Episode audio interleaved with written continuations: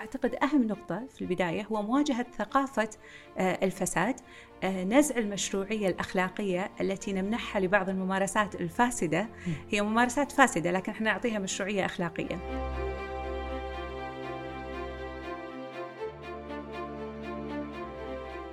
السلام عليكم. معكم أنوار القديري من بودكاست نزاهة. وضيفتنا اليوم الدكتورة منيرة النمش. وراح يدور حديثنا حول الفساد الإداري.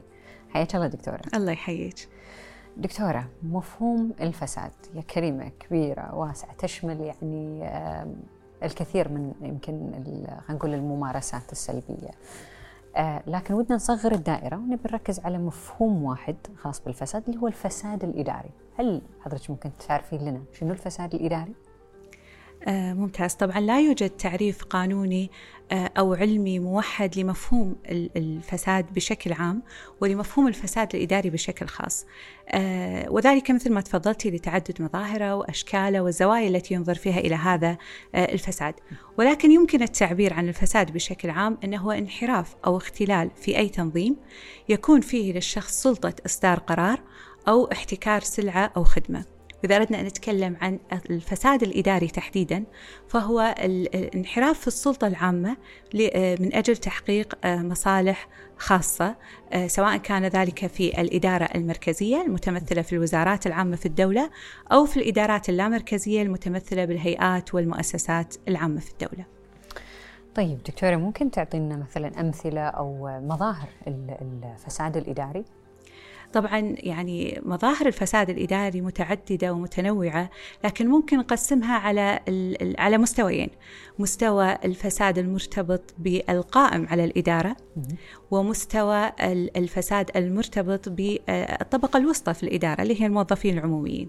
فإذا أردنا نتكلم عن مظاهر الفساد على بالنسبة للأشخاص القائمين على الإدارة فنرى مثلا مظاهر الفساد في المحسوبية وفي الواسطات في التعيينات في الوظائف العامة بشكل عام في استغلال النفوذ العام في تحقيق مصالح خاصة في غياب الرؤية بالنسبة للإدارة العامة. بالنسبة للموظفين فأيضا كل انحراف في مقتضيات الوظيفة العامة المتمثل في مثلا عدم أداء الوظيفة بصدق وأمانة استغلال المعلومات التي يتم الوصول إليها عن طريق الوظيفة العامة قبول الهدايا الرشاوي كل ما يصدر من الموظف العام على خلاف مقتضيات الوظيفة العامة يعتبر بلا شك فسادا إداريا.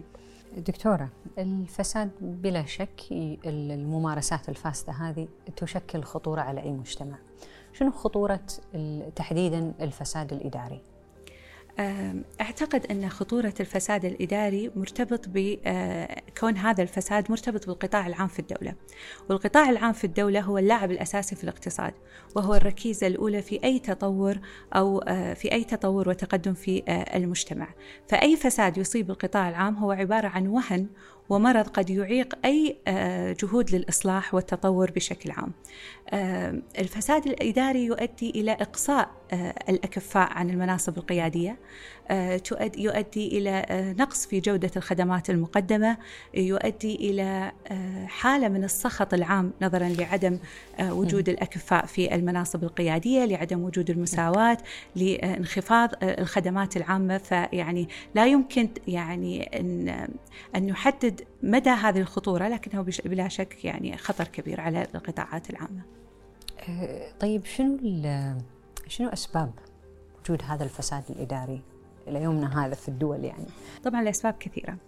آه يعني يمكن يعني وعادة آه يعني في معالجة أسباب الفساد ينظر فيها إلى القوانين والأنظمة لكن أنا أعتقد أن قبل القوانين والأنظمة هناك نقص في القيمة الأخلاقية في المجتمع. فهناك إضعاف للقيمة الأخلاقية القائمة على الأمانة والصدق على حساب القيم المادية الموجودة في المجتمع. أيضا من الأسباب هو الأنظمة. والقوانين. هناك فجوات بين النصوص والتطبيق. هناك منافذ للفساد. السبب فيها هو القوانين ذاتها فلا بد من مراجعة هذه القوانين واللوائح. أيضا الخلل في الأنظمة المؤسسية في الإدارات نفسها. عدم تبسيط الإجراءات الإدارية عدم الإفصاح عن المعلومات من قبل الجهات العامة كل ذلك لا شك يؤدي إلى الفساد الإداري. طيب الحين ودي أنا اسال دكتورة سؤال خلينا نقول تقريبا شائك. كيف ممكن إن إحنا نبدأ في عملية الإصلاح الإداري؟ هو فعلا سؤال شائك. لكن أنا أعتقد أن أي إصلاح يبدأ بالاعتراف بوجود الفساد كمشكلة آه، بتشخيصها بوجود الإرادة الحقيقية في آه، معالجتها وفي استنهاض المسؤولية المجتمعية لحل هذه الإشكالية الكبيرة المتمثلة في الفساد الإداري. أنا أعتقد أن الحل يبدأ في استنهاض كل شخص لمسؤوليته سواء القائمين على الإدارة أو المشتغلين في الإدارة. آه، يكون ذلك آه، عن طريق عدة يعني عدة طرق. آه، وأعتقد أهم نقطة في البداية هو مواجهة ثقافة الفساد نزع المشروعية الأخلاقية التي نمنحها لبعض الممارسات الفاسدة. هي ممارسات فاسدة لكن إحنا نعطيها مشروعية أخلاقية أحيانا. فلا بد من تعزيز قيم الأمانة والصدق آه، والعمل آه، آه، الجاد والصادق كل في مجاله. مراجعة القوانين وإنفاذها وإعلاء قيمة سيادة القانون في المجتمع. نحو إفصاح أكثر للمؤسسات الإدارية تبسيط الإجراءات الإدارية. أحيانا نعم. تبسيط المعاملات الإدارية والقيام بهذه المعاملات على يعني بشكل شفاف واضح. هذا يساهم في تجفيف منابع الفساد والقضاء. يعني ما راح نقول إحنا نقضي عليه تماما لكن على الأقل أن يعني نحد من منا بشكل أو آخر. آه دكتورة منيرة النمش آه مشكورة جدا على وقتك. آه مشاهدينا الكرام نلقاكم في حلقة قادمة من بودكاست نزعها